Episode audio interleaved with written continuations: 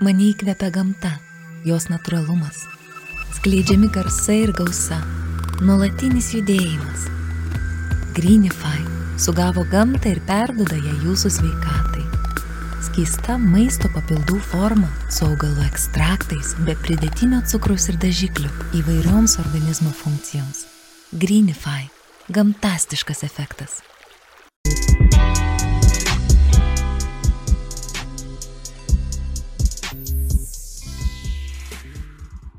Labą dieną, susitinkame mūsų motinystės WTF podcast'e.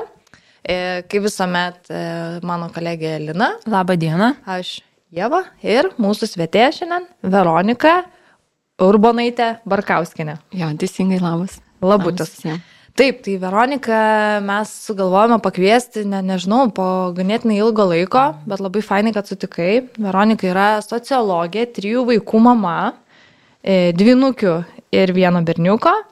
Ir taip pat knygos 90-ųjų vaikai tampa tėvais. Autorė, blogerė. Taip, Vis dar šiek tiek. vis dar šiek tiek. Taip, tai vad mes šio podcast'o metu apriesim tokių įvairiausių temų, kas mums labai įdomu, nes Veronika, Veronikos vaikai jau yra šiek tiek paaugę ir pakalbėsim ir apie tą transformaciją motinystėje, nuo tų vystiklų iki jau mokyklinio amžiaus. Gerai. Tai va, gerai, tai taip ir pradedam. Pirmasis e, klausimas. Koks jausmas šalia buvimo mama būti ir rašytoje, ir dar plus sociologija, kas aš įsivaizduoju, sociologija apskritai yra mokslas apie stebėjimą mūsų visuomenės, taip?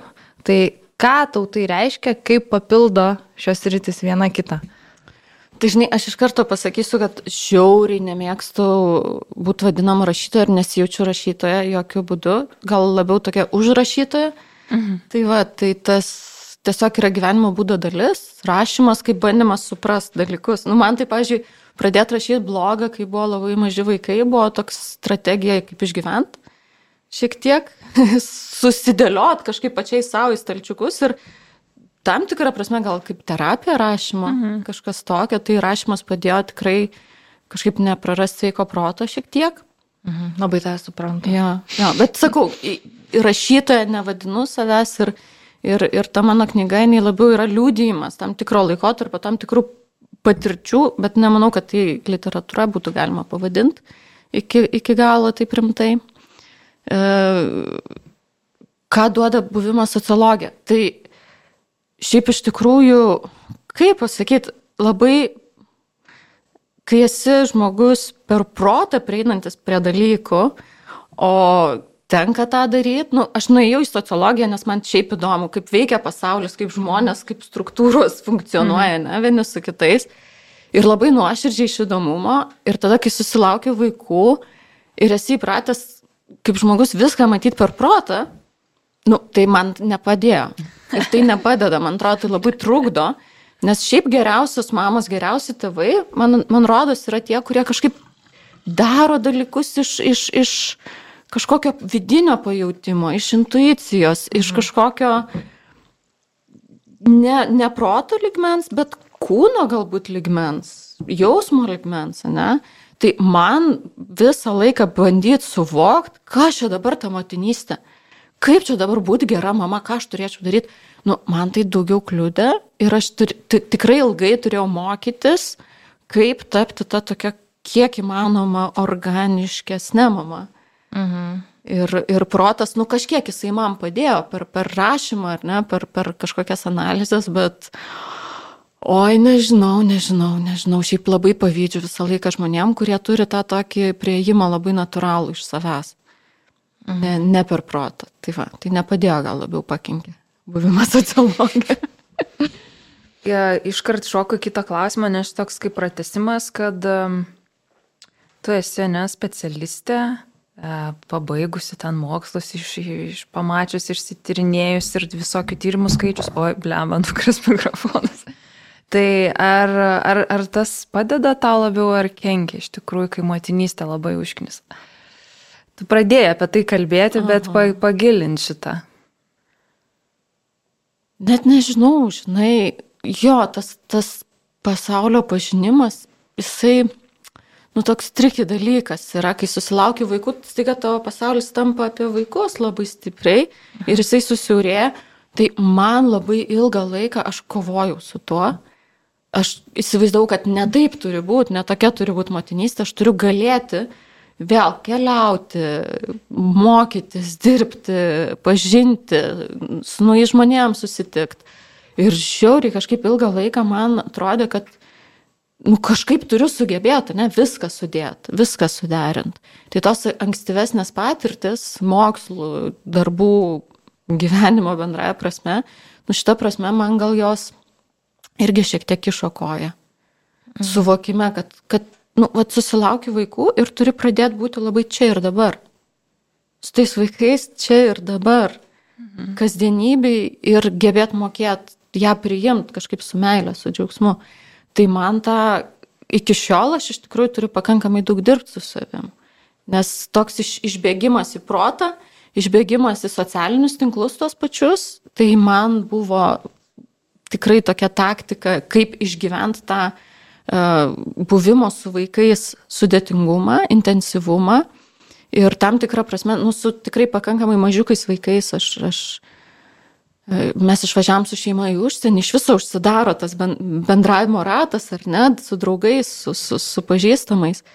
Tai toj situacijoje aš galiu įvardinti jau dabar savo, kad aš buvau išgyvenimo režime, nu, tokiam diena po dienos, mhm. diena po dienos, labai daug būties. O ne? jūs išvažiavot e, tiesiog gyventi kažkokiam laikotarpiu į užsienį? Ne, mes žinom, kad tai bus du metai, mano vyras turėjo terminuotą kontraktą. Ai, mhm. Ir toks, o kaip nuotykis, kaip faina, va, prasiplėsim į kokią šalį. Į Švediją. Mhm. Švedijoje mes gyvenom tos. Kiek buvo laiko vaikam? Buvo keturi, keturi dvinukio, dvinukiams ir, ir e, sūnui buvo pusantrų. Kreizi. Man skamba kreizi. Vis, taip ir visiškai kitaip. Tu viena buvai su vaikais, kol, kol vyras dirbdavo? E, iš pradžių viena, paskui jie pradėjo įti darželius. Bet aš, žinokit, žiūriu nuotraukas to laiko tarp. Dabar aš žiūriu ir man Neatsimeni? Tos vaikus mažus, jo, žinau, kaip kažkoks juodas tunelis iš esmės. Aš labai laukdavau, kol atvažiuos kažkas iš Lietuvos su manim pabendraus. Ir, ir tas vat, internetas, socialiniai tinklai, nu, man tapo tikrai blogo rašymas, absoliučiai langas į pasaulį, kažkoks ryšio užmėsgymo mhm. būdas, išgyvenimo būdas šitame mhm. visame. Dar labai įdomu, Švedija, žinai, mhm. Lietuva, Švedija žiauriai skiriasi ir ten kultūriškai kažkas tokio ten per visas sritis, tarkim, kaip, kai, kai pradėjo ten eiti darželį, ne mhm. vaikai, tai ta, tada um, pas tave į namus atėjo ta kultūra daugiau ir iš darželio ir vis tiek atsirado kažkiek pažįstami bendri. Kaip tu susiturėjai su to visų dalykų, nežinojai, kad du metai lyg nėra ilgai, mhm, bet, bet, bet ir labai ilgai tokius mažiukus vaikus mhm. turint ir visiškai, kai tu esi svetimas kažkur mhm. tai Kaip, kaip tau padėjo, kas tau padėjo tai, išgyventi šitą laikotarpį? Tai iš tikrųjų aš pradėjau knygą rašyti.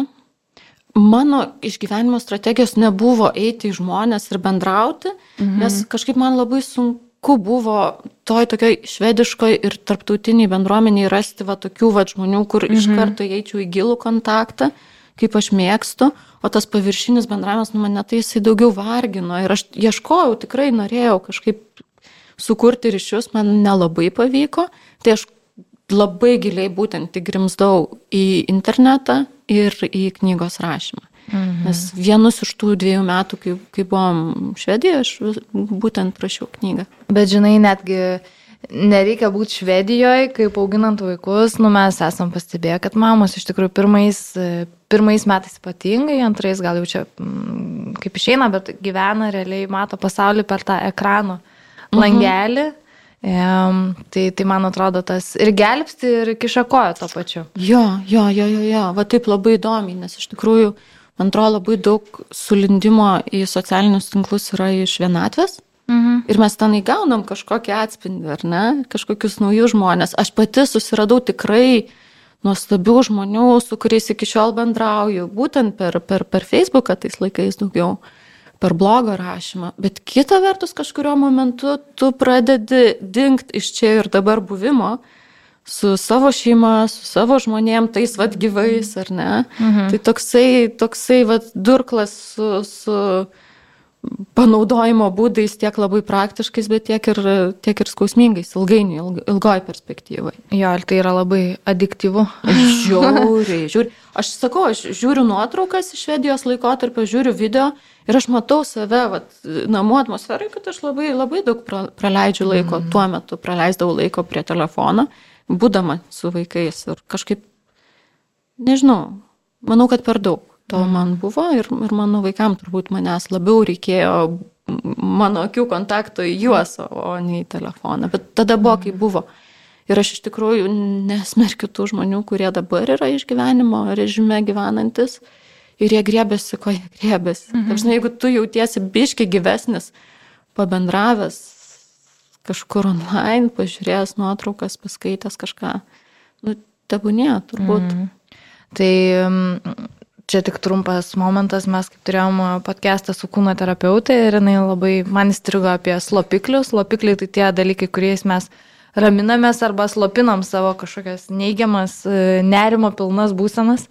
Ir visi linkia labai greit jų atsikratyti. Jeigu valgai saldumynus, turi nustoti. Jeigu rūkai, turi nustoti. Tai ten viską turi nustoti. Ir jinai sako, tebūnie, tu turėk ten vieną tą slopiklį, jeigu tau tai padeda išbūti. Tai, tai va vienas dalykas, o kitas šiaip mūsų klausimas yra apie prasme gyvenimo ir tu toksai, iš, iš karto didelis, toksai menkas va, klausimas. Ir, Ir kadangi va, tu pasakai apie tas pirmus metus, žinai, su, su, su vaikais ir tą visą išgyvenimo režimą, paskui grįžimą, ir mes kaip su tavim kalbėjom apie podcastą, tai tu sakai, kad ypatingai nori išnekėti apie tą pokytį, apie transformaciją visą, nuo tada, kai rašai knygą, iki dabar, kaip viskas yra pasikeitę.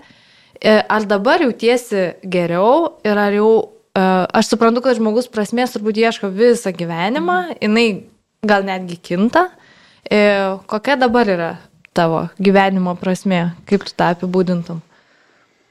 Tai Mano gyvenime vienu metu toks labai lūžis įvyko, skausmingas pakankamai, aš detalės gal nesivelsiu, bet, nu, maždaug vat, prieš porą metų, kai mane tų, taip išpurtė, išpurtė, išpurtė ir numetė nuo manęs labai daug tokių įpročių, kurie, kuriais buvo aplipus, tą visą brausinimą, tą įlindimą į, į socialinius tinklus, kavos gerimą valandom ir taip toliau, kažkaip aš pasipurčiau ir, ir atsistojau staiga ant žemės su savo kojom Ir šitam gyvenimo etape mano tas prasmė, ne, gyvenimo gal yra mokėti, išbūti čia, kur aš esu, tose aplinkybėse, su, nežinau, sunkiom, nesunkiom patirtim, su visokiom, jas patirt patirtis, nes mes kai brausinam, mes realiai bėgam mm. nuo patirčių, nuo jausmų, ne?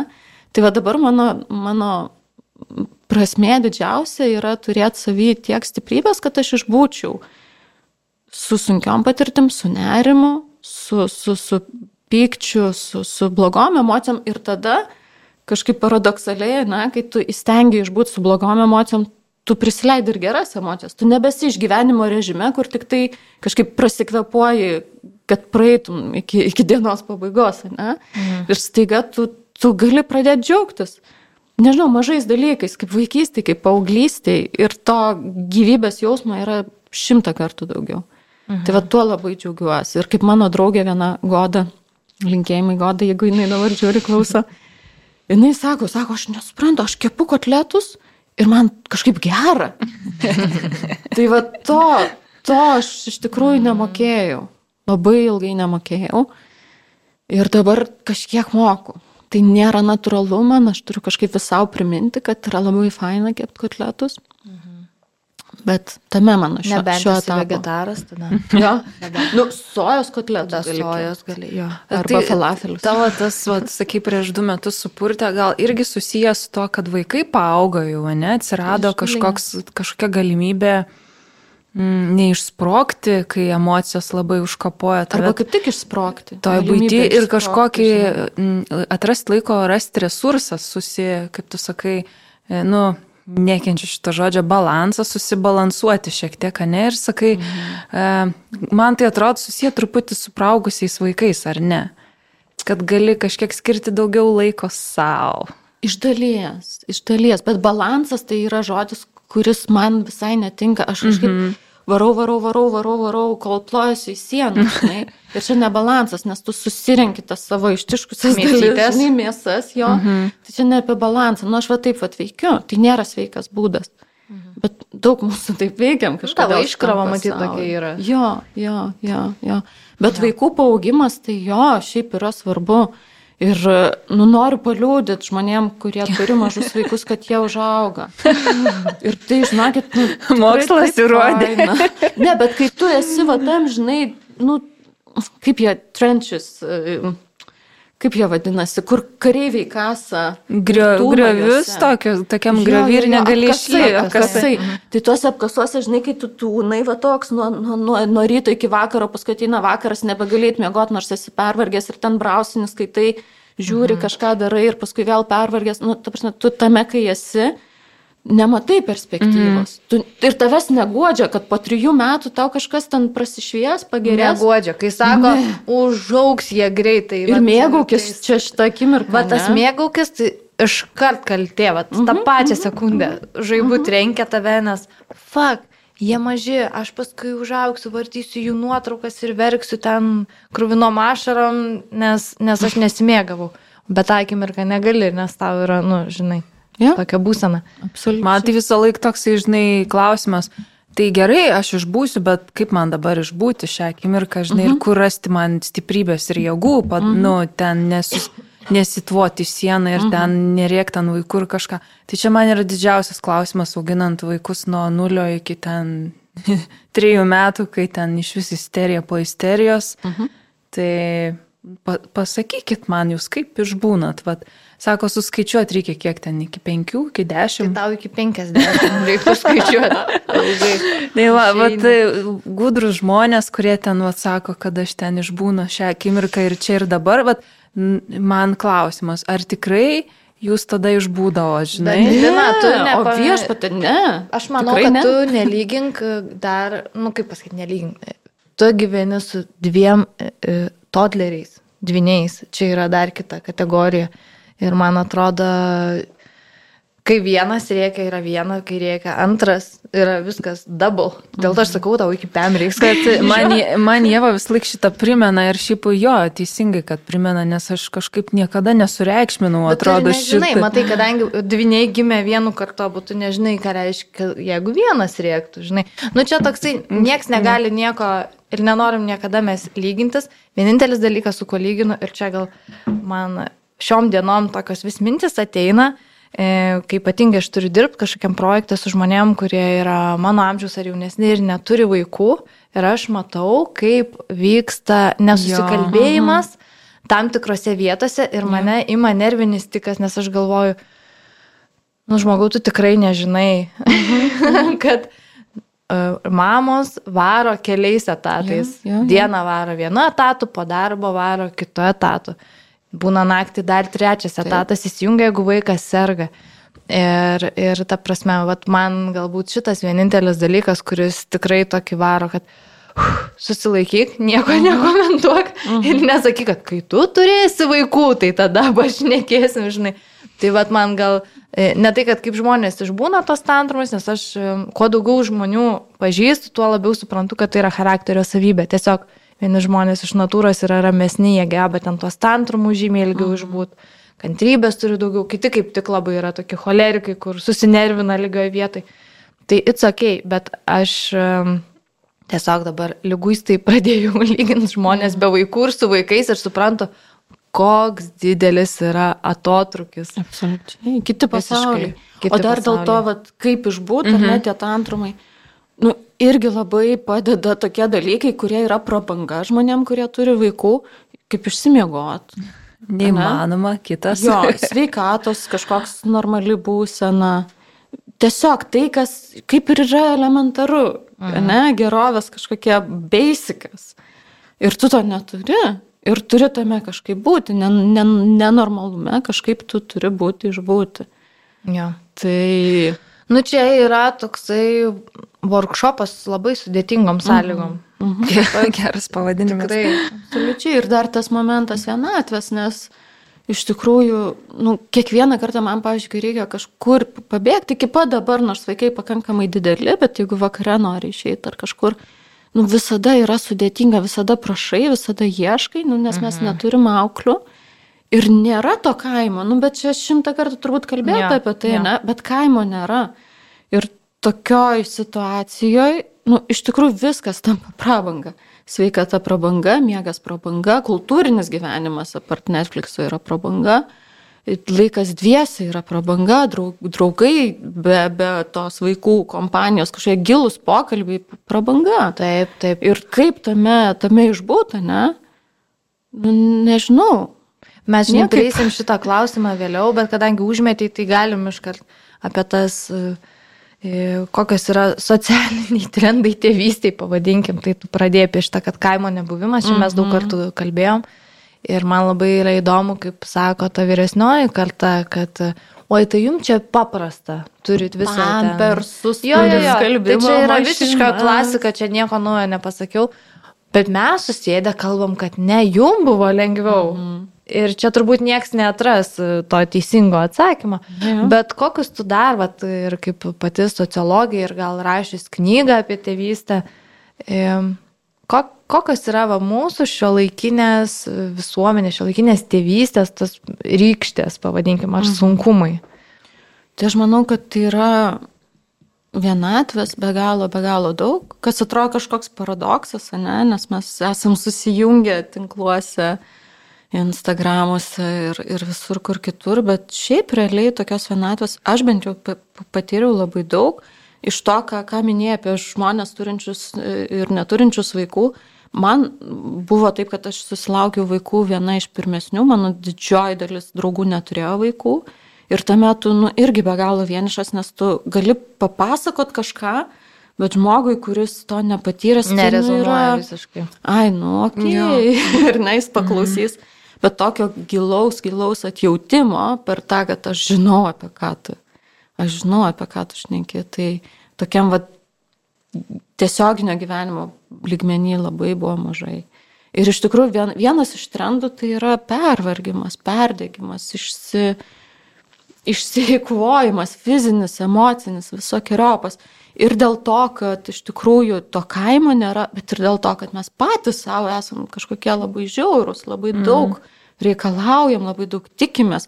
Gal ne visi, Dieve, tikrai yra tų tokių zen tėvų, kurie tam, tam tikroji gal brandoj susilaukia vaikų, mhm. ar ten jau su, su kažkokiais gyvenimo, kažkokiais išbandymus perėję ir jie turi tą savisaugos instinktą, ar ne, bet ypač kas turi polinkį į perfekcionizmą, tai nu, tikrai šitas visas vyksta tokioje ekstremalioje atmosferoje, kur tu eini ant savo ribos fizinių galimybių, emocinių galimybių ribos ir savo keli ten belė kiek lūkesčių.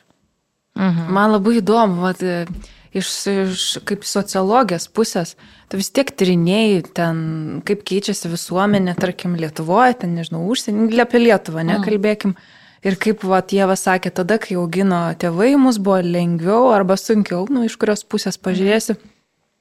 Ir kodėl dabar tėvai yra tokie prispausti? Kas atsitiko to visuomeniai? Čia, aišku, susiję ir su ekonominiais visom, visom kitom gerovėm. Kodėl tėvai vat, nu, pasidarė tokio kažkokiai marketinginiai tėvų priespaudai? Mhm. Kas atsitiko? Kodėl mes pasidarėm tokie žiaurūs savo ir viską metam į save ir norim būti, žinai, mhm. tokie tobuli? Kodėl tie žmonės atrodo lengviau gyveno tada? Nu, čia toks... labai noriu įsiterpti trumpai prie Linos, priklijuoti dar vieną, kad e, kiek man yra žinoma ir esu bendravus, amerikiečiai patys, e, kurie pabėga gyventi į Europą, tarkim, jie pabėga dėl to vadinamos hustle culture, kad tu turi visą laiką kažką veikti. Reikaliukai mm. ant reikaliukų ir visi giriasi, kiek kas turi reikaliukų ir jau maksimaliai turintis reikaliukų laimi. tai ta hustle culture, jinai yra labai žiauri, nes žmonės vis tiek gyvena, nu kaip, kontekste, kur savo burbulę lyginasi ar, ar kažkaip mm. panašiai. Man toks jausmas, kad ypatingai didesnius miestus Lietuvoje pas mus irgi po biški ateina šitas dalykas. Aišku, jau čia jisai turbūt ne pirmi metai, bet Aš labai ypatingai šitą jaučiu ir kuo gyveni arčiau pulso didmieščio, tuo daugiau visi veikia. Ir ypatingai va dabar, kai, tarkim, aš e, jau esu mama, tai galiu pasakyti, kad motinystė yra dar žaskesnis šitas hustle culture, nes tu turi dar labiau pavaryti. Mhm. Ta prasme, tik augini vaikus. Arba ta prasme, tau auklė padeda ir tu čia laisvai dirbi. Tai toks, e, nežinau, prilipdžiau ir dabar tu turi e, vartytis iš mūsų šitą klausimą. Labai ilgas klausimas. Aš dar prilipdyčiau, bet, bet paskui jau pamirš. Paskui prilipdysiu kitą apie E, kai žmonės dar plus varžosi tarpusavį, ja. tas mamyčių tos kovos. O jo, tai čia jau bus jau, tegu. Jo, po šitą, jo, bet šitas irgi labai geras, nes... E, nu, aš turiu savo atsakymą, mhm. jisai toksai iš mokslo. Nu, aš manau, kad čia labai stipriai apie kapitalizmo logiką yra. Mhm. Nes iš tikrųjų tiek prikurta visokiausių produktų, visokiausių veiklų, visokiausių idėjų, knygų kiek prirašyta informacinė visa erdvė kokia užgrūsta. Ta prasme, tau gimsta vaikas ir tu jau, va, žiūrėk, tai tu gali pradėti lavinti jau nuo pirmų mėnesių. Mhm. Ta daryti, tą daryti, trečią, penktą. Mes, kai buvom vaikai, to nu, tiesiog nebuvo. Tiesiog nebuvo. Eini į kiemą, pasim pagalį ir kapstyk smėlį. Nu, ta jo. prasme, kokie bureliai. Nežinau, jūs gal jaunesnės truputį, bet... Visiškai, tai... visiškai taip pat. Ir kaip man, mhm. pavyzdžiui, mama pasakoja, buvo viena knyga, kurią mhm. atsiverti, paskaitai Taip, ir, ir, žinai. ir pagal ją žinai, kaip auginti vaikus. O dabar yra kiek ten milijardų Taip. tomų tų knygų prirašyta, žinai. Ir man, man čia yra tokia gyvenimo motinystės ironija, kai perskaitai ir kažkokias knygas, ir ten koks nors mokslininkas pasako, kad taip, taip yra, perskaitai ir jau tu ten sakai, aš dabar auginsiu vaiką pagal šitą filosofiją. Praeina du metai, ateina kažkoks kitas mokslininkas ir nuneigia šito mokslininko tiesas ir sako, ne, šitaip auginti vaiką yra blogai. Ir tada tu galvoji, o Dieve, aš išprotėsiu, kaip tą vaiką dabar man į, į modulį kitą perrašyti, žinai, tai ir, ir tu pats toks visas. Tai tokiam ritme, tai įsivaizduoju, vat, nu, apie taip. tą kapitalizmą čia. Taip, taip, Toks taip, taip. buvo side notas, bet aš tau užleidžiu sceną toliau. Tai žinai, aš, pažiūrėjau, žmogus esu knygų žmogus. Man kažkas gyvenime įvyksta, aš einu skaityti. Mhm. Susilaukiau vaikų ir aš tada suprantu, kad aš, nu, nepavežu tos apimties, ką, ką skaityti. Tai, nu, ta prasme, what the fuck, aš iš knygų negaliu išmokti šito dalyko, ką man daryti, tada pabiški kažkaip bandai. Nors iš tikrųjų, a, mano vaikai gimė dukros dvinukės 13 metais. Tuo metu aš internete ieškojau informacijos labai smarkiai. Nu, aš nežinau, ar aš nemokėjau, bet aš neradau, ko man reikėjo. Mhm. Aš norėjau kažkokios ne teorijos, bet praktikos. O kokiais klausimais tu ieškojai? Aš norėjau apie nu, kasdienį gyvenimą, kaip tie tėvai išgyvena, apie tėvystę labiau, apie mamas, apie tėvus, kaip žmonės, kurie susilaukia vaikų, santykis kažkoks. Kaip jie tą tėvystę išgyvena, tą virsmą. Mhm. Ir aš tuo metu, nu kažkaip neradau tokių refleksijų, kad tai būtų mhm. apie, štai aš buvau žmogus be vaikų, aš susilaukiau vaikų, tas procesas, kaip jis man įvyko. Nes aš jaučiau, kad man ten, nu, ta prasme, man, aš ne, ne, nesuvokiu savo protų, kas su manim darosi. Tiek mhm. viskas griuvo ir sugriuvo senas gyvenimas, mhm. o to naujo aš dar nesuvokiu. Taigi susim nieko neatsitiko, gal ir šitie 13 metai eina tas vaibas iš senesnių laikų, žinai, kad... Jo, jo, jo. Nu čia gimė tik tais vaikai, kas tau yra, žinai, tai. nu tai kiti nieko. Stokis reikia. Nu čia kaip reik. iš mūsų tėvų, žinai, toksai mhm. yra tiesiog, tai yra tiesiog vaikai, mhm. viskas. O kad ten tu pats transformacija vidinė, niekas apie tą vidų, žinai, nekalbėjo, nebuvo mhm. tokio trendo ir mados, dabar labai labai daug to yra ir, žinai, kalba apie tą mamos ir tėčio gerovę daugiau. Mhm. Tai dėl to tu niekur neradai. O aš jaučiuosi kaip objektas kažkoks, va tu čia paėmė tos vaikus pagimdėjai, nu reikia gyventi, davai, daryk dalykus, kas tau yra. O aš tikrai supratau, kad manęs nebeliko. Nu, ta prasme, aš kažkur kitur. Aš nebe ten, o kur aš esu, tai naujotie. Mhm. Ir tai, žinai, e, man, pavyzdžiui, tai paaiškinti labai sunku. Ir nu, tu net, na, nu, aš bent jau neradau žodžių šitam visam dalykui. Mhm. Ir man net sunku paaiškinti, net tam pačiam vyrui sunku paaiškinti. Nes tad, ai, nu tai gal čia nieko nėra, ai, pam... Ne, vėl, galvos. vėl, už, vėl užbangavo vėl čia kažkas. Jo, hormonai kortos ne, mhm. nesusidėliojo, žinai. Ne, nulis. jo, ir paskui, kai tu Na, nežinau, aš labai džiaugiuosi, kad per Motherhood Sexy galėjau šitas savo mintis kažkaip tai išreikšti ir tada sulaukti iš moterų patvirtinimo. Mhm. O, ir man taip, ir man taip, ir man. Ir gal, fuck, gerai, aš, ne, aš nesu uh, kažkokia, žinai, keista. Tai aš manau, kad uh, jo dar labai trūksta savokų yeah. įvardinti šitai būsenai. Ir trūksta kita vertus, va dabar aš pasakyčiau, kad jau įmanoma ras. Nu, ta prasme. Mhm. Bent jau bendraminčių. Jo, jo, jo, jo, jo. jo. Ir, ir yra netgi savoka uh, matrisens, man atrodo, kaip adolescence, tai virsmas iš vaiko suaugusiu, taip matrisens, virsmas iš uh, šiaip moters į moterį, kuri... Lemą, žinau, negirdėjau šito, koks geras. Aš tai visą laiką irgi apie šitą, galvo, man dabar toks susijungia. Šiaip mano, mano tėtis yra gana tokių aštrių ir tokių nusenesnių pažiūrų žmogus. Bet jis man visą laiką uh, sakydavo, kad, ir, nu, kai gimė vaikai, sako, nu va, tu dabar esi mama. Moteris mama, žinai. Nieko nesuprantu, žinai. Ir, ir supranti, esmė tame, kad kai gimė vaikai, jis pradėjo mane tik tada sveikinti su, mot, su moters diena. Nu, kad ir kokia ta šventė, ne, tenais skirtingos nuomonės. Ja. Ir kai tu dabar pasakai, aš galvoju, tai čia gal jis tai turėjo omeny. Mhm. Nu, kažkuriam ligmenį, pojūčio ligmenį. Nes žinai. kol tu nesusilauki vaikų, kažkoks yra visai kitas požiūris į nu tu mergaitė. Bet tai, o tavo pačios požiūris į kitas moteris, kurios neturi vaikų? Koks jis dabar yra, kai tu turi vaikų? Um, aš žinau, kad... Ką tu nuoširdžiai apie jas aš, ne, aš negalvoju niekada dabar apie tai, žinai. Aš mm. tik tais galvoju, kaip jos nesupranta.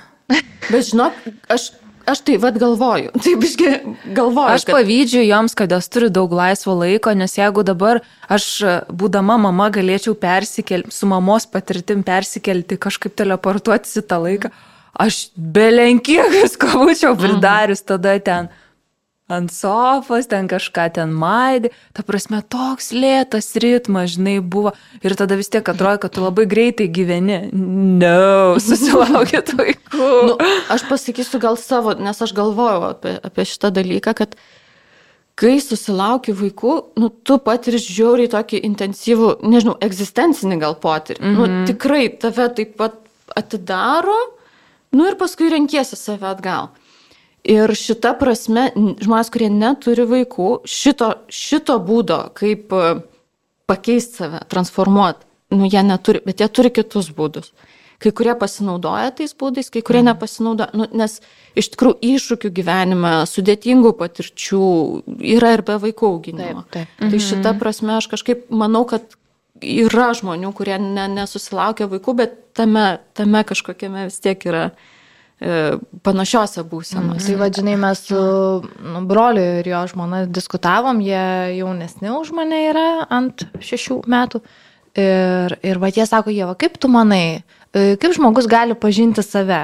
Ir jie tarpusavėje diskutavo, sako, e, ten brolio žmona sako, aš manau, kad per psichoterapiją. Brolis sako, aš manau, kad per patirtį. Mhm. Ar aš sakau, man atrodo, kad čia yra per abu, bet Jeigu žmogus gyvena jis save supranta, jis gali mhm. sudylinti su savo sunkumais, tai nereikia eiti tą terapiją, ne, ne kiekvienam čia reikia vaikščioti, žinai.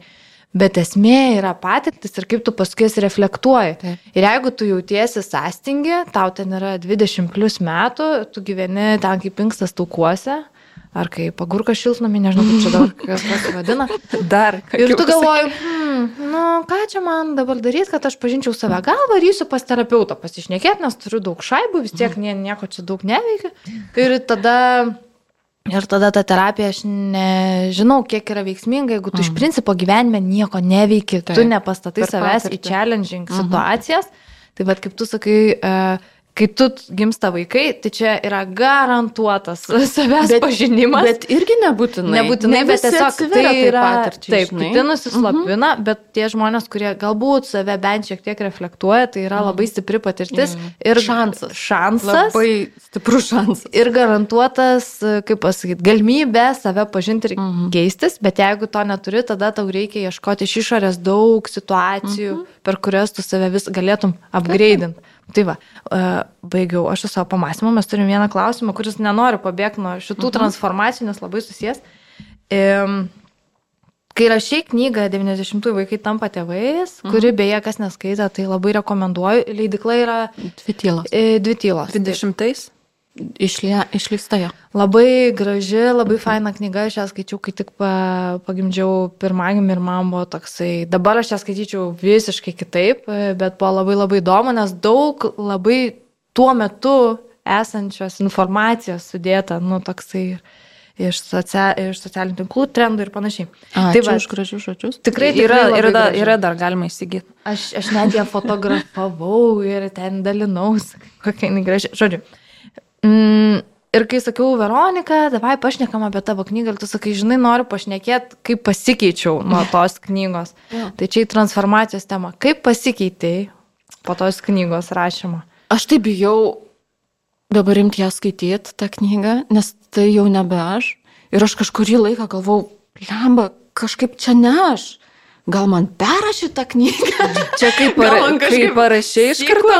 Ne, ne, ne, ne, ne, ne, ne, ne, po keleto metų. Mm -hmm. Aš jau nebe, bet dabar galvoju labai gerai, kad ta knyga yra, jinai yra liūdėjimas tam tikro etapo, tam tikro tokio sumaišties. Dabar aš tiesiog norėčiau paimti, apkabinti save, mhm. tą, kuri parašė šitą knygą ir pasakyti, žinai, nu, tu gali, tu padarysi, tau pasaulis bus e, geras, nu, viskas susitvarkys. Nes ta knyga, jinai yra nu, tokia ne, ne, ne iš labai šviesos vietos iš tikrųjų parašyta. Mhm. Ar tai įmanoma ir... parašyti kūrinį iš šviesios vietos? Aš tikiuosi. Aš tikiuosi. Aš galiu parekomenduoti šiaip, kas manau, kad yra tikrai knyga iš šviesios vietos. Šviesoje, kas rašo apšviestieji. Ja. Tai uh, knyga ryšys vadinasi, gal mm. jūs. Ry, ryšyje? Ryš, nes, ryšys, e, ryšyje. Gal kelios, nes yra e, psichologas Eglės. E, Na, iš natūralios motinystės. Jo. Eglės. Naitės Vaičiurgėnės. Taip, taip, taip, taip. Tai nuostabi knyga, tokia baltų viršeliu. Bet apie tai šitą aš nekė. Jo, jo, mhm. jo. Tai vadinai yra knyga iš šviesos, man atrodo, parašyta. Mano knyga, jinai parašyta iš tamsesnės vietos, bet jinai irgi manau, kad prasminga, nes nu, tikrai sulaukiu be galo daug tokių reakcijų ir pasakymą, žinai, aš jaučiuosi pamatyta, jaučiuosi išgirsta, jaučiuosi legalizuota, kad aš galiu taip jaustis. Mhm. Tai man atrodo, tokia ir buvo prasmė šitos knygos, jinai vis dar yra tokia. Aš, aš kai lyginu, žinai, vat, kai tu sakai tamsos mhm. ir šviesos, ir aš, vat, mhm. grinai paimam dvi knygas, kurią tu sakai mhm. ryšys ar ryšyje, ble, man. Man atrodo, kad ryšyje. Man atrodo, ryšyje, man atrodo, kad nes pateglė savo yra paskirą pasivadinusi ryšyje. Ir tavo knyga, kuris sakai iš tamsos, bet man jinai labai patiko, nes jinai tokia turi sveiko tai cinizmo. Kažkaip bloga, žinai. Ne, ne, jinai nėra tokia ten apie tamsą liūdės ir kaip ten verki kamputį. Ir aš galvoju apie mūsų projektą, kad jisai mm. tada irgi prisiskaito iš tamsos, bet iš tikrųjų jis yra kaip perlipti tuos sunkumus, mm -hmm. kaip mokėti iš jų pasijuokti, žinai. Yeah. Tai irgi nėra, kad mes ten visą laiką apie, žinai, Saulytę šnekam. Bet Vateglės knyga irgi tokia. Jis nėra apie Saulytės, kaip tu sakai, mm. bet, e, nežinau, jinai gal daugiau Duoda apie sprendimus, mhm. kaip išeiti, ką daryti, tokia, vat, vat, ko imtis. Man tai, žinai, atrodo, kad tu rašai knygą pati ieškodama atsakymų. Jo, jo. O absoliučiai. Eglės knyga yra tokia, kad jinai jau daug atsakymų buvo praėjus ir žinojo. Mm. Žinai, duoda tokį, e, tokias, nu, kaip čia, koordinatės kitom mhm. mamom, žinai, mhm. irgi tai, vad gal man atrodo, didžiausias šitoje vietoje turbūt, skirtumas turbūt. yra. Nes kai tu knygą parašai ir tu galvoji, ar tikrai aš ten esu, ar, mhm. ar tu tokia, žinai, buvai, ten, mhm. nu, ta prasme, paskui pasikeiti, sakai, noriu perrašyti tą knygą, arba iš vis neišleisti jos, ar kas ten.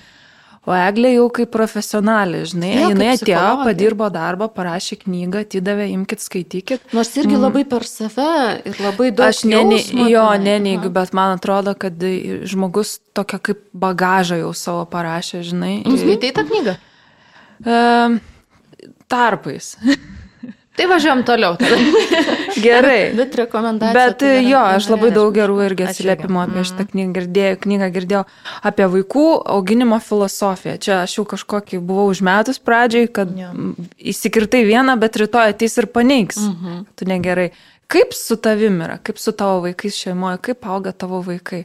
Tu tokia, sakai, labiau iš pajūtimo, ne? Bando iš Aš pajautimo. bandau, bet man nelabai bandai žinok, iš pajūtimo ne, kažką daryti. Kaip dabar, koks, kaip pavadintum savo?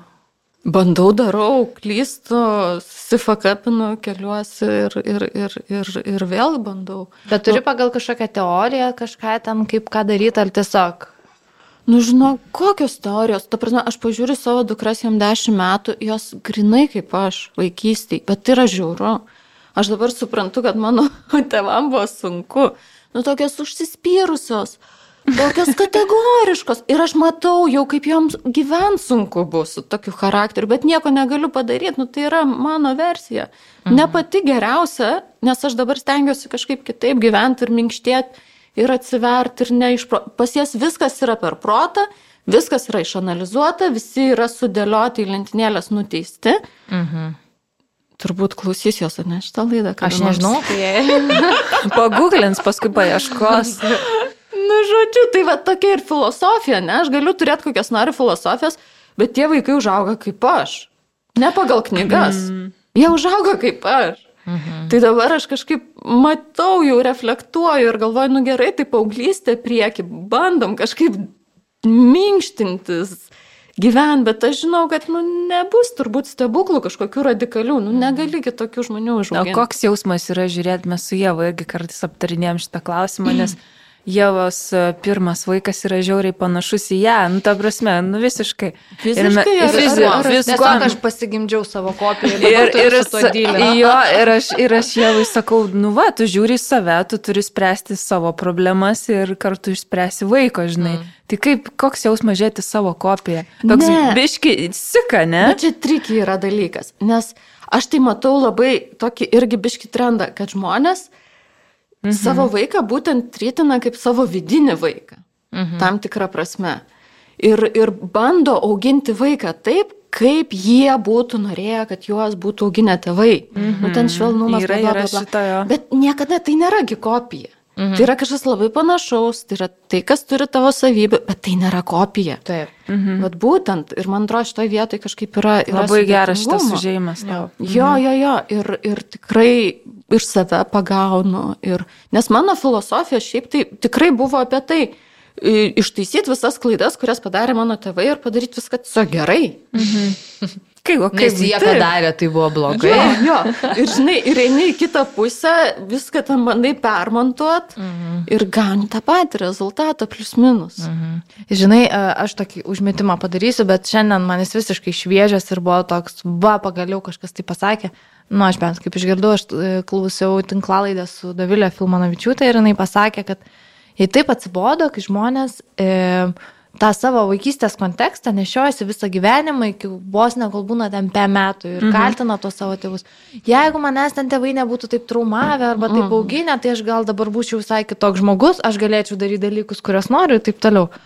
Ir, ir sako, kaip mane užknisa, aš nu, tiksliai neatsimenu jos citatų, bet esmė, kad žmonės taip įsikabinę kaltinti tuos savo tėvus, ja. kurie tuo metu galimai darė geriausią, ką jie mokėjo, aš nekalbu apie kažkokius jau visiškai ten hardcore'inius atvejus. Ir tas įsikabinimas tos praeities ir negebėjimas prisimti atsakomybės mhm. ir, ir užaukti ir tuos tėvus priimti, kad mhm. nu, taip pat ir mūsų vaikai vertins. Jo, ir... jo, jau vertina, mane jau vertina. Taip, ir, ir man atrodo, čia mes su Lina tai nepriem dar šito, kaip vaikai mūsų vertina. Jo, bet aš žinai, irgi galvoju, kartais tėvai praeina tokį irgi etapą ir pamato, kad susifakapino daug dalykų, padaro ne taip. Ir man šitas sakymas truputį rezonuoja tai, kad tu save imi pateisinti, kai esi mama arba jo, tėtis, jo, jo. kad žinai, Fak, aš irgi darau klaidų ir aš -huh. pridariau tų klaidų ir tikrai mano vaikas užaugs netobulas, kad ir ko, ką tai reiškia. Na, nu, kaip sako, jeigu turi mamą, tai įsipasitarė. Ir, ir tada šitoje vietoje atsiranda, žinai, toksai tėvų biškis supratimas, kad, nu jo, iš tikrųjų, jo. gal jie ir darė viską, -huh. kas išeina geriausiai, nes tu tada sėdi jų rogės ir bandai suprasti. Nu čia dvi Ir pusės. bandai to. neišgriūti iš jau, žinai, su veidu. žemę. Mm. Taip. Um, jo, e, koks skirtumas, mes turim klausimą skirtumas tarp vieno ir trijų vaikų, bet tai čia yra nesąmoningas klausimas. Aš niekada dabar pagal- neturiu vieno vaiko. Tai va būtent. Tarp, minutes. tarp dvinukių ir paskui, kai gimė trečias. Jo, gal tada tarp dviejų ir trijų vaikų koks Taip, skirtumas. Taip. Man atrodo, kad pirmas vaikas arba tie du vaikai, ar nu, trys, kam kaip išeina, tai yra nu, tas tavo kažkoks idealizuotas projektas turbūt. Nu, tau atrodo, kad va, dabar tu darysi gerai. Oi, ten turi kažkokius lūkesčius savo, bandai tą vaiką ten lipdyti, skaityti tas knygas, analizuoti. Kurt savo tas filosofijas. Čia kai ir pagal dvynukes jas- turėjai. Jo, mhm. jo, ir su vienu vaiku aš manau, kaip, matau, kaip žmonės nu, Straglina tiesiog nes, visiškai, Žinok, ne? ir straglina, ir nestraglina, nes su vienu vaiku, man atrodo, kokius bet turėtum savo lūkesčius, nu tu esi kaip įmanoma arčiau tų lūkesčių, tu dar turi sveikatos, mhm. tu dar ateini iš to vat, laiko, kai neturėjai vaikų, buvai išsimiegojęs ir, ir, ir, ir visoks stiprus, ir tu gali pavaryti kelis metus. Nu, tokio tikrai projekto. Tai tas pirmas vaikas, arba mano atveju, tavo atveju, pirmi du vaikai, vis tiek jie yra projektai. Tokia lina nieko.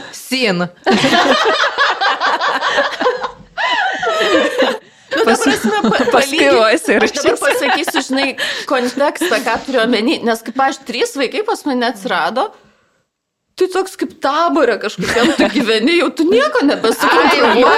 galvoju. Jo, jo, žinai. Kada mes kalbinių dieną darėme? Ko? Žinok, jau tada tu... Atsiprašau, kas yra skalbinių? Net tai pas mane visos dienos kalbinių dienų. Nesustoju šiaip mašiną Ne, už ne. Ne, vyksta taip. Skalbenkė džiovyklė. Ir jau žinai, 8 vakaro. Būna va tokia galva nuo to užžimo, žinai, tokia Tokia tai kas, kas klausot, tokia tai rodo Alina didelį atstumą virš galvos su ranko. Kaip Elena sakė, nebiškiu, bet daug. Daug. Jo, jo. Tai čia gal tas skirtumas, žinai, ir yra Tarp kontrolės. projekto, kontrolės projekto ir taboro toksai jo. Jo, tarp kontrolės ir paskui, kad tu supranti, kad tu nebesukontroliuoji. Ir Ir, ir tam tikrą prasme tai kažkaip labiau taikoj. Mm. Man tai yra labiau taikoj. Tas trečias vaikas, nu ten, žinai, pažiūriu, kad savaitės vidurys, sekmanį nenukirpau nagų. nu, nugerbu tos nagus, kai yra, žinai, su pirmagimėm, tai aš ten jau, jau galvočiau, dieve, kaip aš čia taip galiu sauliaisti, ne? Apsileidus Jo, motiną. jo, jo, jo. jo. Nu, Biškiai atleidai vadeles, paleidai savo tokius vidinius, ane? sprendimas tau, jeigu tu jautiesi įsitempus, tai tiesiog trečio vaiko trūksta. Aš irgi žinau, viską paleisime. Aš tą patį žadėjau susirgai. sakyti, Jo, blem, jeigu vėl dviniai būtų. E, apsišiktum, žinoma. žinok, nebe, sveikata nebeleistų, man atrodo. Jo. Tai tiesiog aš gulėčiau ant žemės ir jie patys užauktų kaip plaukiniai maugliai. Jo. Šitą, bet, bet tu visą laiką norėjai trijų vaikų. Ar ne? Ar čia buvo, nežinau, ar galiu klausti, ar tai buvo netyčiukas trečias vaikas? Ar... Ne, jis labai buvo norėtas. O nebijoj, kad vėl du bus. Ai, nežinau, žinok, aš negalvojau. Ai, jau pofik, trys ar Kažkaip aš jau buvau. Tiesiog toks vidinis. Ir mes netgi juokdavomės iš tikrųjų ir, ir, ir su vyru. Mes visada pasidarydom valgyt ir visada likdavo viena porcija. Nuo tada, kai dvinukės ten jau pradėjo valgyti kaip, kaip žmonės, ne, visada likdavo viena porcija. Ir tas toks jausmas, nu, nu ta prasme, žiūrėk. Nu, Nugi neiš, Turim, nu negalim ne? išmesti maisto, reikia vaiko. Ne, čia kiti šuniui atiduoda, kiti į kompostą. Nebuvo šunio. Čia Nebuvo. sprendimas tvarus toksai buvo. Taip, taip. Nu, kažkoks buvo vidinis pojūtis, kad kažkaip yra, yra vietos kažkam dar. Mhm. Proto, aš negalvojau. Ta prasme, Ne, bet čia Veronika, čia tu kaip sociologija turbūt šitą žinai, kad jeigu žmonės plo, plotų, ne vien plotų, bet ir protų susidėliotų Excelį, žinai, pliusus, minusus, tai niekad ne, neturėtų vaikų neturėtų. Taip, Taip, tai čia taip, tik taip, yra taip. proto optimimo dėka. Tai vien, vien Dažniausiai. Jo, labai Taip. juokinga. Arba, žinai, turėtų kažkaip ten su, su dideliu atstumu tarp vaikų ir panašiai. Mhm. Tai šituo atveju. Jo, vieną išleidai iš namų 18, tada kitą. Nu, žodžiu, bet žinokit, Jo. su tais trim vaikais, nu, kažkaip aš pradėjau pasitikėti ir savim, ir pasauliu, mhm. ir aš jaučiu, viskas bus gerai, jie tikrai ir patys savim pasirūpins. Mhm. Nebėra to tokio jausmo, kad viską turi sukontroliuoti, sudėlioti, mhm. kad ten dieve tas vaikas, jisai, jeigu tu ten nenukirpsi tų nagų, tai čia jo sugrius, žinai, jau, jau IQ bus mažesnis. jo, jo. Tikiuosi, kad ne. Čia aš kaip taip pat. Priklauso dar nuo žirklučių kokių. Yra toksai memas, šiaip man jis šiauriai patinka, kur e, keturi skirtingi gyvūnai. Ir ten meškos ten nešioja savo vaikelį, ten kažkoks ten kitas gyvūnėlis ant nugaros, ten kol jie užauga, kol subręsta. Trečias gyvūnas irgi labai rūpinasi. Ketvirtas gyvūnas tai yra kažkoks paukštis, kuris taip išspiria iš lizdo ir sako fly bitch. tai aš kažkaip suprantu, kad... Jo, nes paukščiai kalba. Čia žmonės norėtų, kad taip sakytų. Jo, jo bet va, tokia gal mano filosofija. Aš manau, šitas e, paveikslėlis yra iš tamsos, Veronika. iš, nu, tokio, va, to gyvenimo. Išlikimo paveikslėlis, gerai. Mes labai daug kalbėjom apie tave, apie, apie santykių su savim, su vaikais, kaip dabar apie vyrą. Mhm. Labai mhm. mums visiems patinka. kaip mums keitėsi santykiai. Jo, po dvinių jo. ir paskui po trečio vaiko ir apskritai jūs kai susipažinot ir kaip dabar yra. Jo dar balta. Kit, visai kiti žmonės dabar esame. Visiškai, visiškai. Ir būsim dar kiti žmonės. Ir aš tai tą labai aiškiai suprantu, kad kaip susišnekat. Žinok, aš tau pasakysiu, dabar gal visai pradėjom susišnekėti. Po kiek čia metų? Po penkiolika. Tu sako, po dešimtį gerin. Nu, žinok, turbūt yra toks momentas gyvenime, kur, nu, vaikai absoliučiai yra iššūkis. Tikrai didžiulis iššūkis. Ir, ta prasme, asmeniškai kaip mama save iš naujo kažkaip susikonstruoja, vyras save iš naujo susikonstruoja ir tame iš tikrųjų žiūri lengva prasilenkti. Kokia dinamika jūsų šeimoje yra?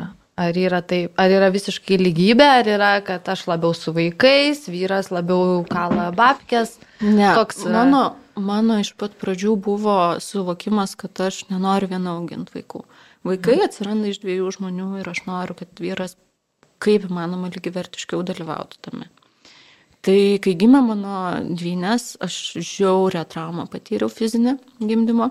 Mhm. Aš tiesiog fiziškai negalėjau vaikščioti keletą mėnesių, paskui turėjau operaciją, vėl negalėjau vaikščioti. Tai kaip ir automatiškai gavosi tai, kad nu, mano vyras galėjo norėti, galėjo nenorėti, bet jis turėjo būti, nu, absoliučiai pilnavertis tėvas, kuris viską daro. Mano vyras darė daugiau negu aš, kūdikystės laikotarpiu, mhm. nes aš tiesiog, nu, fiziškai negalėjau. Mhm. Ten pampersų keitimai, viskas, ten keldavomės naktį abu, viską abu. Bet ką tai reiškia? Tai reiškia, kad tas nuovargis kaupėsi irgi abiem iš tikrųjų. Tai mes ir va su ta Švedija išvažiavom, irgi vyras ėjo į darbą, aš liktai su vaikais, bet jis grįžta iš darbo irgi su vaikais niekada nebuvo pas mus kažkokio pasidalinimo, visada vaikai buvo abiejų. Ir nuovargis kaupėsi, nu, beprotiškas, iš tikrųjų beprotiškas. Mm. Tiek jam, tiek ir man. Ir... ir kur tai vedė, ar, ar buvo kažkokia pykčių daugiau? Santykio krizė, krizelė. Jo, jo, be abejo, be abejo.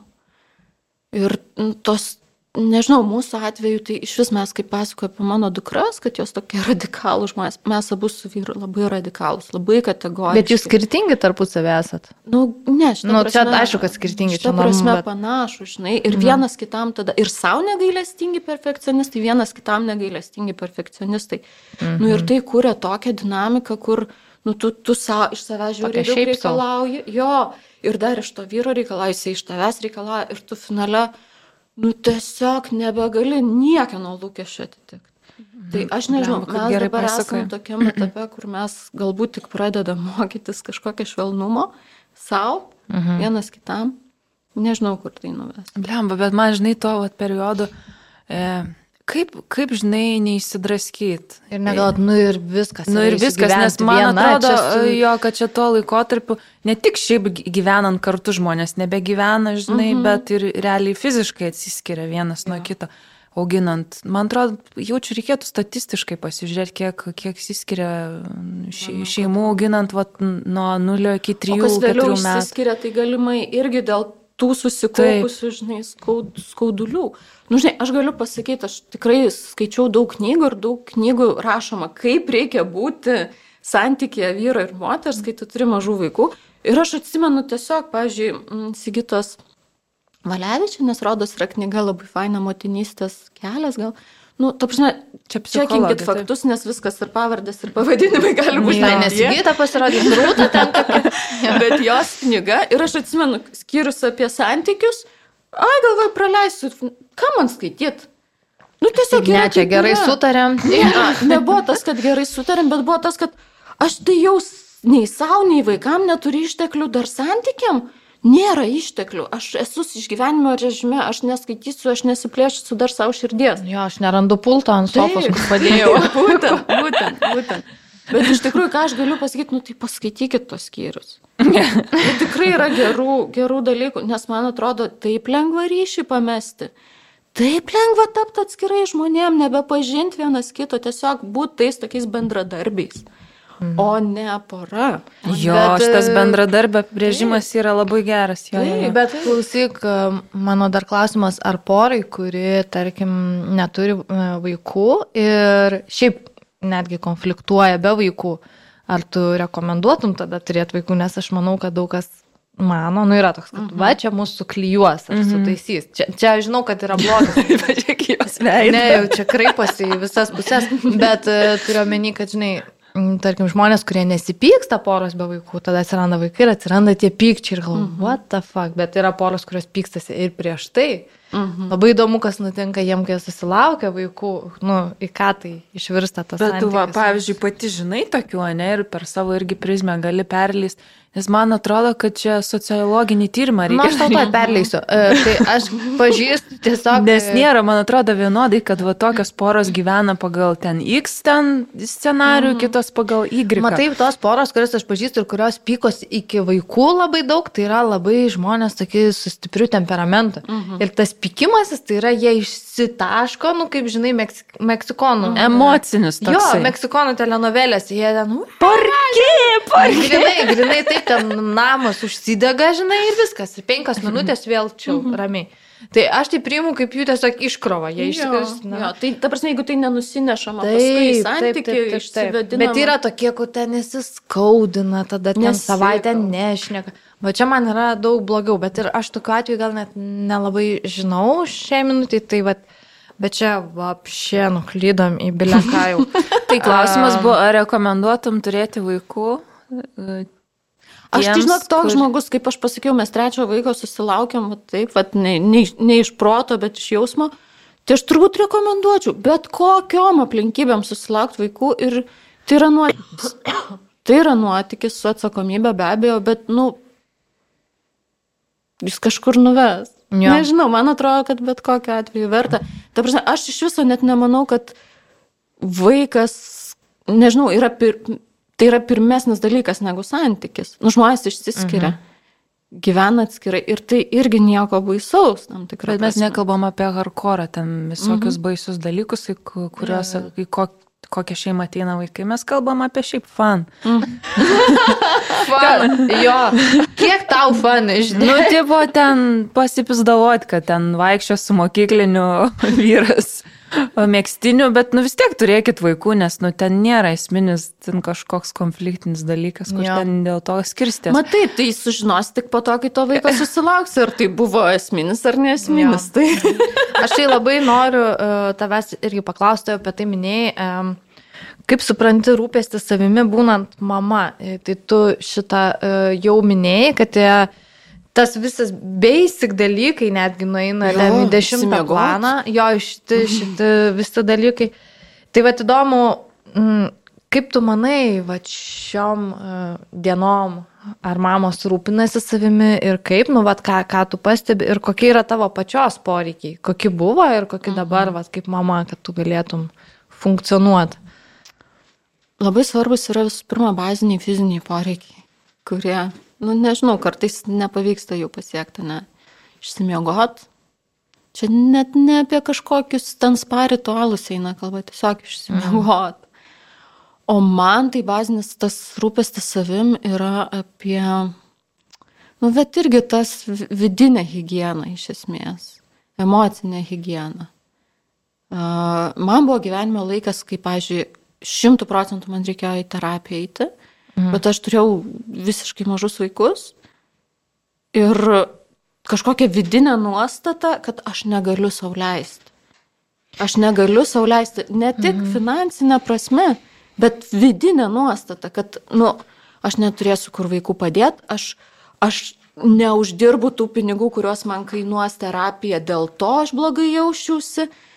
Ir pasiekmes, tai aš daug metų po to jaučiau. Bet ką aš norėjau pasakyti, kad daugelis, nu mes, ką pastebėm iš mūsų bendruomenės, mamos viską leidžia į vaikus. Tai yra mm -hmm. rūpėsis vaikam, mm -hmm. net ir mhm. daiktais mm -hmm. ar pramogom, mm -hmm. viskas yra į vaikus. Jos, aš nežinau iš tikrųjų, kaip mamos, nu, kitos masto, va, kaip tu sakai, yra pinigų. Čia mes nekalbam mm -hmm. net apie tuos jau materialius dalykus. E, bet kartais netgi būna gertuvė, nuperka už 5 eurų, bet savo, tarkim, gaili kažkokiem, ja. kad ir konsultacijai psichologą, mm -hmm. nes tas aš neverta ir kodėl motinystėje tampa tas, atsiranda ta savoka, aš neverta. Aišku, gal tai yra buvo ir prieš vaikus, žinai, bet... E, nu, man bent tai jau mes labai kad tas yra. Čia toks labai su, su, sukaltas, labai giliai. Kad dalykas. aš dabar turiu, dabar aš atkentėsiu, čia toks, toks mhm. etapas, aš turiu atkentėti. Jo, ir, va, tas, ir neva jis pasibaigs, Jo, bet jis ir aš pasikeisiu. Jo, jo, jo. Gal man čia dar labai daug kalties, kaip tu sakai, jo. žinai, būna momentai, man yra buvę tokių apvaizdų, mhm. kai ten man reikia kažkur išeiti ir tu sakai, man reikia išeiti.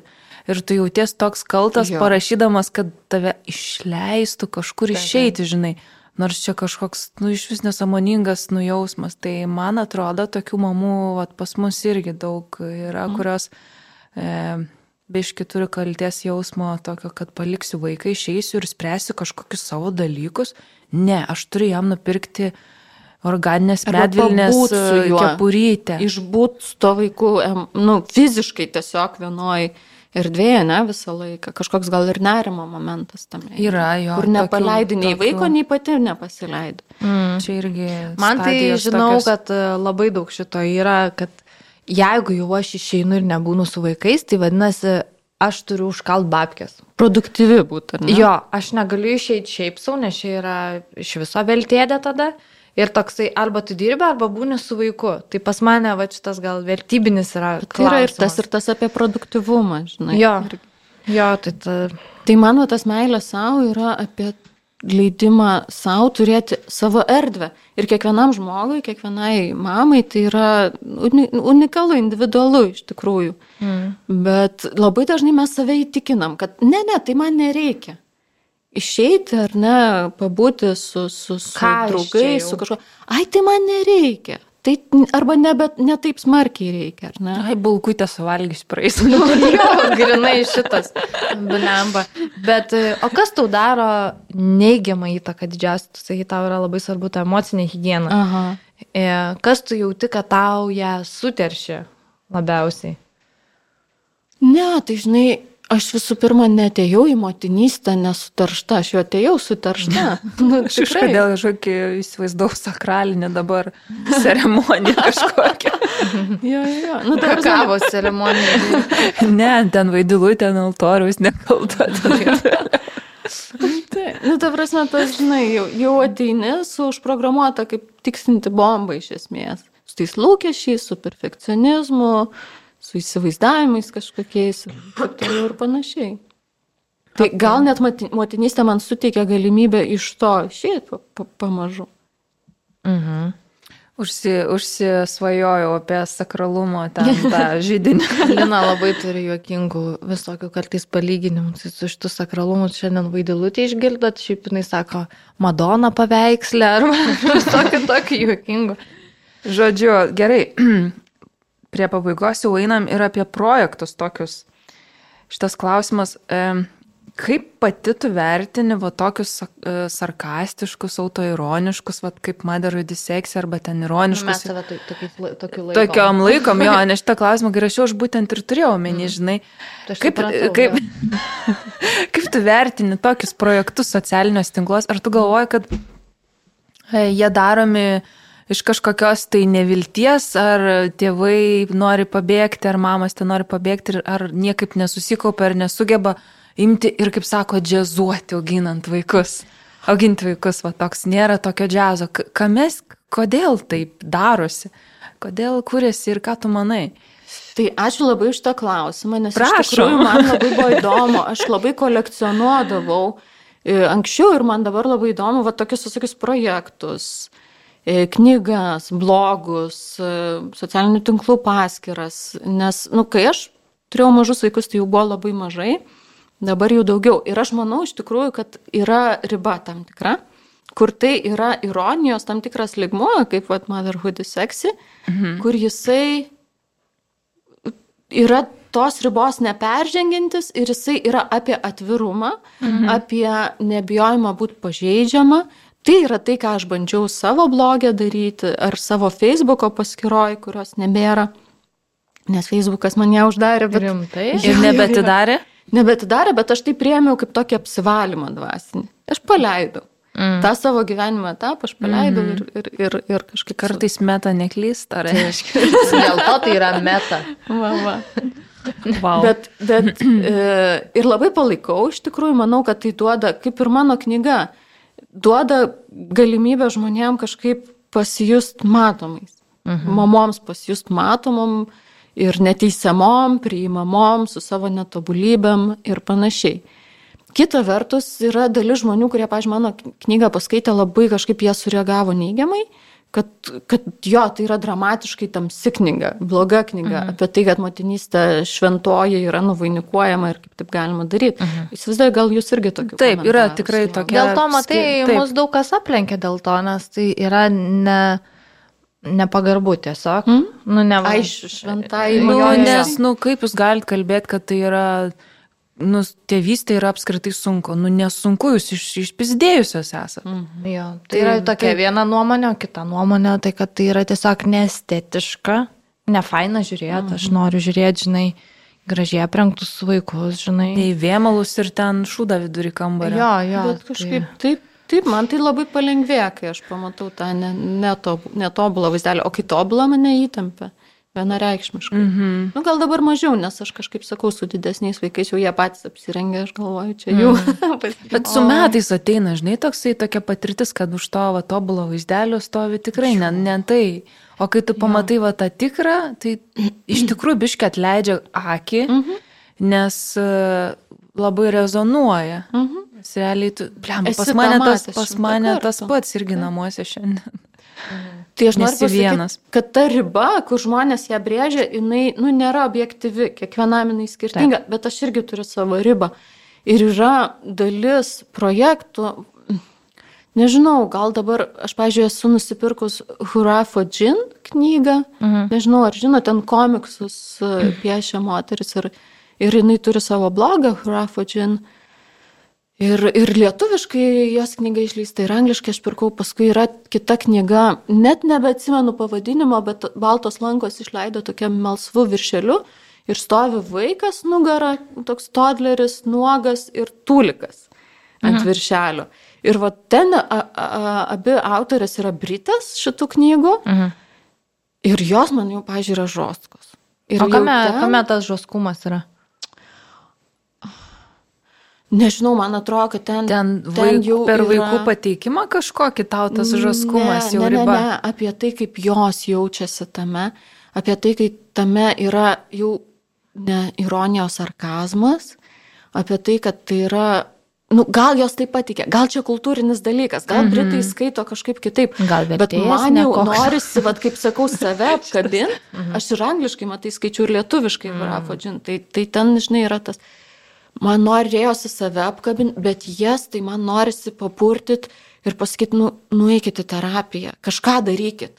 Kažką darykit, nu, jeigu jau per heitą mm. savo motinystės heitas jau yra, jo, nes matai, pavyzdžiui, šiaip visi projektai, kad ir paskiros, nesvarbu, tu, mm -hmm jos niekada nepas, neparodo visumos, nu ten, tarkim, mhm. kiti vadina realybė. Mhm. Ir dėl ko mums apie projektą sako, jūs čia rodot ne, ne tokia realybė, ne vien tokia. Taip, bet jeigu tu naini pas kitą influencerę, tai pas ją irgi nėra vien visa realybė. Tai yra visur nuotrupos. Pas mus yra nuotrupos, pas kažką kitą, tai jau jūs pagal tai, ką sekat ir klyjuojatės tą savo mhm. nuotrupų kratinę. Mhm. Tai čia yra jūsų pasirinkimas. Ir mes niekad neteigiam, kad čia rodom realybę. Mes sakom, tai yra Savo atvirumas, realybę. tai mhm. yra mūsų realybė. Bet niekada nėra heito ta prasme, heitas jau yra ta žemiausia riba, mhm. kur, nu jau kaip tu sakai, tai yra nebeskanu ir jau tai yra... E, Mes, susita, mes susitarėm su Jėvo seniai, kad mes nesileidžiam į šitą lygį. Bet net, žinai, aš manau, ir... net nesileidžiam, nes mes nejaučiam šitų jausmų. Nu, jo, ir, ir kažkada mes apie tai kalbėjom, kad, nu, iš pačių mūsų tai ne, neina, mhm. žinai, ir mums būtų labai keista, nes mes kartais ten matom iš šalies, kaip vyksta tokie dalykai, tai mes sakom, Nes, nu, mes ne, ne, ne, neinam ten ir neskaitom ir nežiūrim ir net nekreipiam dėmesio, žinai, tai mm. žinai, negaištam laiko. Bet tie žmonės, jie rašo irgi, irgi apie realybę. Irgi mes to turim. Tu prasme, bet kur tu dedi akcentus, gal taip, čia yra taip, taip. klausimas labai stiprus. Taip. Tai va, tai aš, aš galvoju apie tai, kad daug knygų, šiaip darbiškai įsiterpsiu, buvo tokia knyga Mamystė, nežinau, ar teko jums susidurti, na iš vis pradėjo, man atrodo, visą šitą kalbėjimą atvirai apie motinystės įvairią pusiškumą. Čia lietuvė rašė? Jo, jo. 2012 e, metais, jinai seniai mhm. matai išleista, užros paukštytas. Ir mane sukrėtė pakankamai stipriai, kai užra e, irgi podcast'e, šiuo metu jau ne, ne, nebeegzistuojančiam ryšys, jinai pasakė, kad, nu, mano šitas projektas tam tikrą prasme, manau, gimė iš tam tikros būsenos, kuri buvo artima mm, depresijai motinystės. Mhm. O, mane kažkaip supurtė. Ir aš paskui supratau, kad iš tikrųjų yra to, mhm. yra to. Mamos taip pat yra. E, baby blues, mhm. iki tikros motinystės e, depresijos, tas didžiulis spektra. Ir iš tikrųjų, kai tu esi tokioj tamsoj, Aušros knygos aš absoliučiai ne, nepavadinčiau tą nu, ribinę, jinai šviesi, puikiai knyga, bet jinai pati užsiminė apie, apie depresyvumą. Ir aš galvoju, kad tikrai kai kurie projektai, kai kurios knygos yra iš tokių tamsių vietų, kur, kur reikėtų traukti save mhm. iš tenai, o ne kažkaip išveikinėti. Mhm.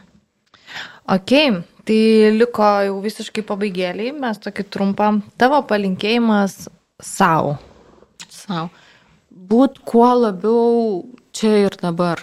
Nu, ne, ne, ne, ne, neišbėgti protą ir į, ir į Instagramą. Mhm. Ką aš irgi mėgstu daryti, bet, bet nu, kuo daugiau čia ir dabar.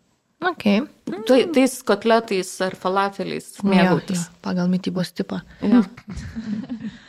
jo, ir paskutinis klausimas tavo motinystės. What the fuck? E, tai reiškia, Jėva papasakos, tai reiškia. Jo, tai what the fuckas tai yra toks dalykas, kas tu nežinai, kad e, motinystė gali nutikti, o kai tau nutikdavo, vis tiek nesuprasai, nu kaip taip gali būti. Bet man tai pati motinystė iš savęs, ta prasme, visas neštumas. What the fuck? Tu, what the fuck? Tavo kūnas padaro kitą žmogų man toks, what the fuck, po šiai Taip. dienai. Po šiai dienai, kaip kažkoks ne, nežemiškas dalykas. Taip. Tikrai. Pas kažkokią iliustratorę skaičiau, kad kaip viešbutis. Ir jinai tokia padarius mažyčių komiksėlių tokią seriją ir nupiešus, tipo, o aš esu viešbutis, man jie gyvena, bet ir aš ten gyvenu.